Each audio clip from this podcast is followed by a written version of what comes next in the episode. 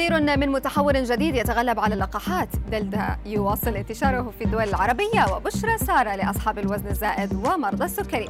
أبرز أخبار الساعات الأربع والعشرين الماضية في دقيقتين على العربية بودكاست.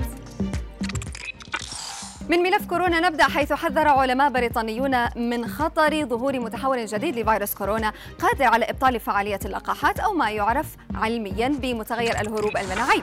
بحسب القائمين على الدراسة فإن هذا الهروب المناعي يحدث عادة عندما تنتشر اللقاحات المضادة للفيروس فتحدث طفرات أكثر شراسة وقدرة على الإفلات من مناعة اللقاح. إلى العالم العربي الذي يشهد بعض بلدانه ارتفاعا ملحوظا في أعداد المصابين بفيروس كورونا وعلى الأخص المتحور دلتا. ففي الأردن قال وزير الصحة الأردني إن 90% من الإصابات بفيروس كورونا في البلاد هي من المتحور دلتا. أما وزارة الصحة العراقية أكدت أن جميع ردهات الحالات الحرجة بالمستشفيات ممتلئة وأن الوضع الوبائي يهدد النظام الصحي.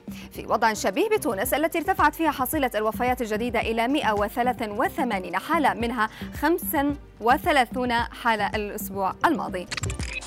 حذرت السلطات الصحية في بريطانيا من أن الأجهزة المنزلية التي يستخدمها المصابون بفيروس كورونا لمراقبة مستويات الأكسجين في دمهم قد تعطي قراءات غير دقيقة لأصحاب البشرة الداكنة.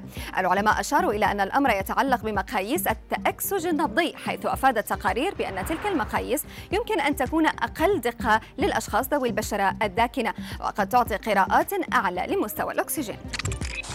نختم بهذه البشرى لأصحاب الوزن الزائد ومرضى السكري حيث يبحث فريق من العلماء في جامعة بنسلفانيا الأمريكية في أمر بروتين يدعى السيتوكين والذي يعمل في الجهاز المناعي بعد أن لاحظوا قدرته على إنقاص وزن الفئران بطريقة غير عادية. العلماء لاحظوا أيضا احتمال وجود صلة لهذا البروتين في التصدي لمقاومة الأنسولين ما يجعله هدفا محتملا لعلاج مرضى السكري من النوع الثاني.